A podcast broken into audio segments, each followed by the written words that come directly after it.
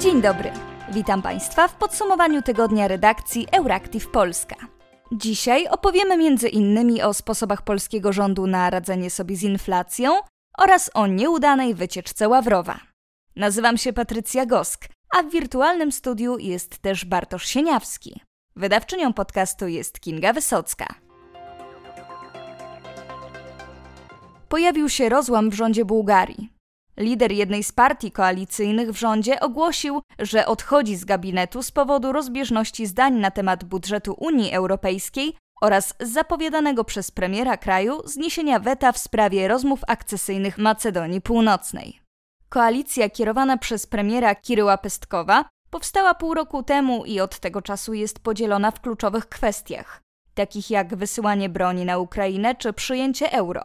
Oprócz kontynuujemy zmiany Petkowa, należą do niej także Demokratyczna Bułgaria, Bułgarska Partia Socjalistyczna oraz Jest Taki Naród. To właśnie lider populistycznej Jest Taki Naród, Sławi Trifonow, ogłosił w programie telewizyjnym swoje odejście z koalicji, a tym samym wycofanie z rządu swoich czterech ministrów. Według niego ministrowie kontynuujemy zmiany doprowadzają kraj do bankructwa, a Petkow popełnia narodową zdradę, ponieważ robi wszystko, by cofnąć weto Bułgarii w sprawie dołączenia Skopie do Unii Europejskiej, pomimo konsensusu parlamentarnego, że rozmowy akcesyjne mogą rozpocząć się dopiero wtedy, gdy Macedonia Północna wypełni dwustronne porozumienie dobrosąsiedzkie. Z kolei Toszko Jordanow, czołowy członek partii Slawiego, powiedział, że istnieją notatki bułgarskiego ministra spraw zagranicznych dotyczące tego, co Petkow powiedział zachodnim odpowiednikom, proponując równoległą ścieżkę pozwalającą na zniesienie weta, podczas gdy nierozwiązane kwestie między Skopje a Sofią staną się częścią procesu nadzorowanego przez Unię Europejską. Jordanow przyznał, że taki proces nie daje najmniejszej gwarancji, że problemy zostaną rozwiązane. Trifonow powiedział również, że działania gospodarcze rządu tylko zwiększą inflację i zakwestionował brak prób ujawnienia schematów korupcyjnych poprzedniego rządu. Petkow odpowiedział zarzutami, że Grozdan Karachow, mianowany przez Trifonowa minister polityki regionalnej, zażądał wypłaty 3,6 miliarda lewów, co w przeliczeniu na euro daje 1,8 miliarda. Firmom drogowym zbliżonym do byłego premiera Bojko Borisowa. Wyraził on jednak przekonanie, że gabinet będzie nadal funkcjonował przy wsparciu odpowiedzialnych posłów z partii Trifonowa. Rząd mniejszościowy jest w tym przypadku wielokrotnie lepszy od rządu, w którym próbuje się szantażować za dodatkowe pieniądze lub wstrzymuje się realne reformy, wyjaśnił premier. Trzy partie, które pozostaną w koalicji, będą miały teraz 109 deputowanych w 240-osobowym parlamencie co oznacza, że brakuje im 12 deputowanych do większości parlamentarnej. Jednocześnie politolodzy informują o dużym ryzyku wyborów przedterminowych już tej jesieni. Za ich sprawą do parlamentu mogłyby wejść prorosyjskie siły polityczne, takie jak odrodzenie Kostadyna Kostadianowa. Trzy projekty wchodzące w skład pakietu Fit for 55 odesłano do Komisji Ochrony Środowiska Naturalnego Parlamentu Europejskiego. Chodzi m.in. o wzbudzający kontrowersje system handlu emisjami. Europosłowie odrzucili w środę na sesji plenarnej w Strasburgu sprawozdanie o rewizji unijnego systemu handlu emisjami. Sprawozdanie zostało odrzucone głosami socjalistów, zielonych i konfederacyjnej grupy Zjednoczonej Lewicy Europejskiej, Nordyckiej Zielonej Lewicy oraz europejskich konserwatystów i reformatorów, do których należą m.in. Prawo i Sprawiedliwość oraz Tożsamość i Demokracja. Największa frakcja w Parlamencie Europejskim, Europejska Partia Ludowa, zagłosowała za przyjęciem sprawozdania. Polscy europosłowie Izabela Kloc oraz Adam Jarubas przekazali, że powodem głosowania socjalistów było przyjęcie pozwalającej na przetestowanie działania granicznego mechanizmu węglowego trajektorii wycofywania darmowych uprawnień dla sektorów przemysłu nim objętych. Rozwiązanie zostało wypracowane w Komisji Przemysłu Badań Naukowych i Energii, gdzie było poparte przez szeroką koalicję grup politycznych. Poprawki komisji ITRE przewidywały rozpoczęcie wycofania bezpłatnych uprawnień do emisji dopiero w 2028 roku. Socjaliści kalkulowali, że mogą te rekomendacje po prostu zignorować. W kluczowym momencie okazało się, że większość na sali te poprawki popiera, podkreśliła cytowana przez PAP Izabela Kloc. Jarosław Kaczyński zapowiedział, że choć inflacja nie jest winą rządu, to od lipca obniżone zostaną podatki PIT i CIT, dzięki czemu Polakom zostanie więcej pieniędzy w kieszeniach. Kaczyński obiecał także wsparcie dla kredytobiorców, niższe ceny paliw i węgla oraz zapewnił, że cała Polska będzie się rozwijać. Nie pozwolimy, aby pokolenia Polaków się zamartwiały. Miejsce Polaków jest w Polsce.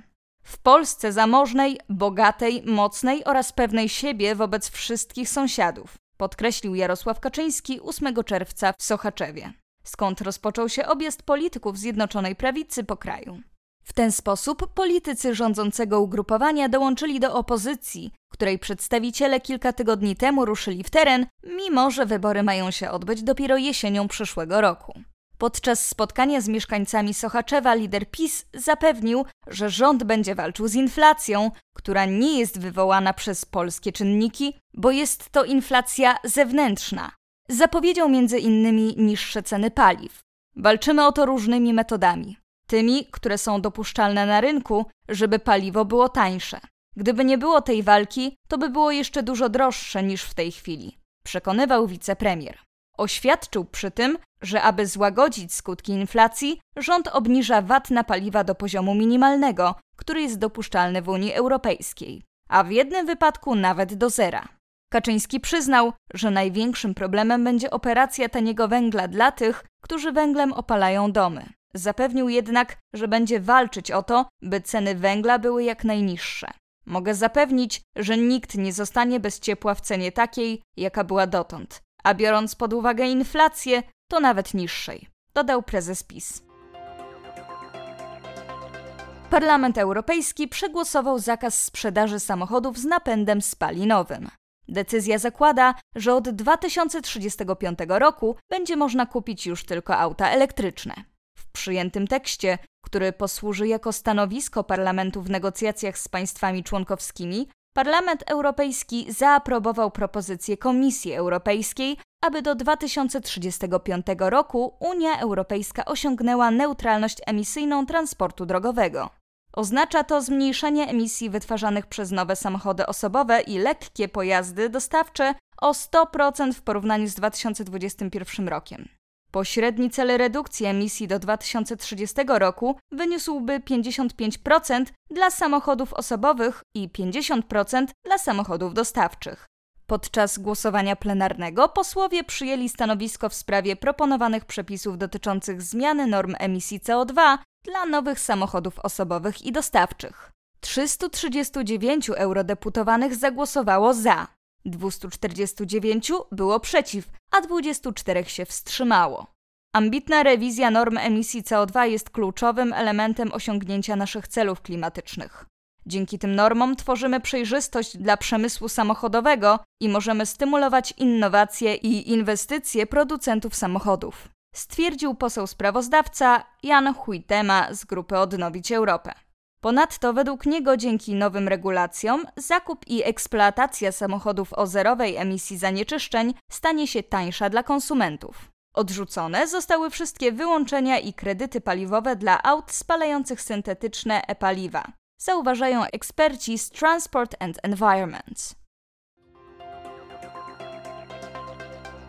Szwecja, próbująca wejść do NATO, ma problemy z Turcją, która nie zgadza się na akcesję Szwedów do militarnego układu.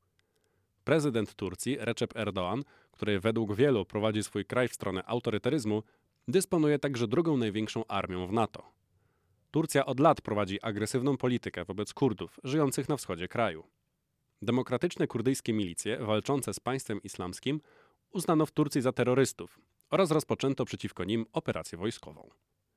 W ostatnich tygodniach Turcja eskalowała swoją inwazję na Syrię, chcąc pozbyć się kurdyjskich partyzantów. Tymczasem w Szwecji mniejszościowy rząd nie upadł tylko dzięki jednemu głosowi, i to do tego pochodzącej z Kurdystanu posłanki. Przeciwko szwedzkiemu ministrowi sprawiedliwości Morganowi Johanssonowi zorganizowane zostało głosowanie w sprawie wotum nieufności. Powodem było m.in. wymknięcie się spod kontroli wojny gangów w Szwecji. Stanowisko Johanssona obroniła niezrzeszona posłanka Amin Kakabawe, głosująca przeciw wotum nieufności. Za swój głos posłanka wynegocjowała od rządu większe wsparcie Szwecji dla kurdyjskiej partii Unii Demokratycznej, rządzącej w Rożawie, kurdyjskiej autonomii w Syrii. Ten ruch nie spodobał się ani Turkom, ani szwedzkiej skrajnej prawicy, która uznała, że socjaldemokratyczny rząd wolał obronić swojego polityka, zamiast dać Szwecji szansę na szybkie wejście do NATO. Minister spraw zagranicznych Rosji, Siergiej Ławrow, planował w mijającym tygodniu udanie się do Serbii w celach dyplomatycznych. Trzy kraje sąsiadujące z Serbią Bułgaria, Macedonia Północna i Czarnogóra zrobiły jednak Ławrowowi psikusa i zamknęły dla niego przestrzeń powietrzną. Ostatecznie rosyjski polityk do Serbii nie poleciał, bo nie miał jak. Rosyjskie MSZ skomentowało Oschle prośbę o komentarz w tej sprawie, mówiąc, że ich dyplomacja nie dysponuje jeszcze możliwością teleportacji. Ławrow planował spotkać się z prezydentem Serbii Aleksandarem Vuciciem, z którym mieli rozmawiać na temat nowego kontraktu gazowego między Serbią a Rosją. Serbia jest krajem znacznie uzależnionym surowcowo od Rosji. Gazprom ma większościowe udziały w serbskim rynku naftowym i infrastrukturze gazowej.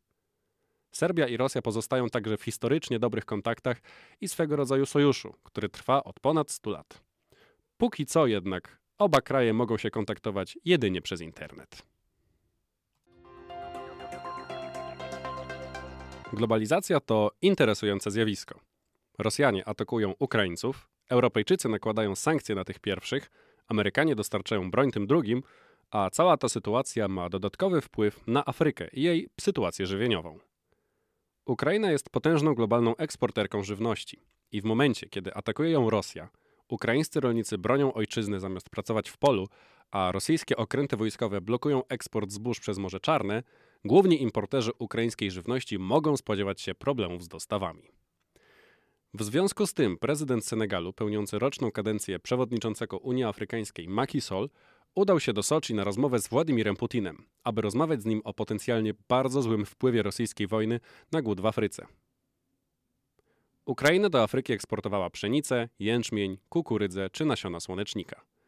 Ceny żywności na czarnym lądzie zdążyły podrożeć już przed wojną, a panująca na kontynencie susza dodatkowo przybliża możliwość wybuchu tam klęski głodu. Prezydent Senegalu zwrócił również uwagę, że przez sankcje państw zachodnich do Afryki nie sprowadzi się zboża z Rosji, równie ważnej eksporterki żywności. Afrykanie nie kupią też w Rosji nawozów sztucznych umożliwiających im własne uprawy. Relacje z krajami afrykańskimi mają dla nas ogromne znaczenie i przykładamy do nich wielką wagę.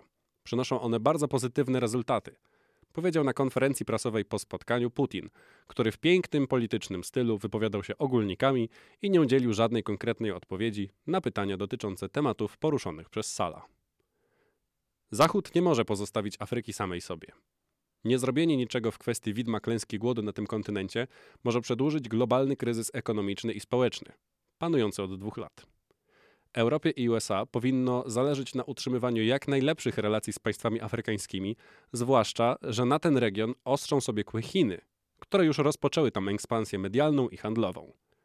Ponadto warto pamiętać, że Afryka jest w stanie gospodarczym i społecznym, w jakim jest, głównie z winy kolonizatorskich państw europejskich. Jak stwierdził kiedyś filozof Michael Parenti, Afryka nie jest niewystarczająco rozwinięta, jest nad wyraz wyzyskana. To już wszystko w dzisiejszym podsumowaniu tygodnia redakcji Euractiv Polska. Życzymy Państwu miłego weekendu.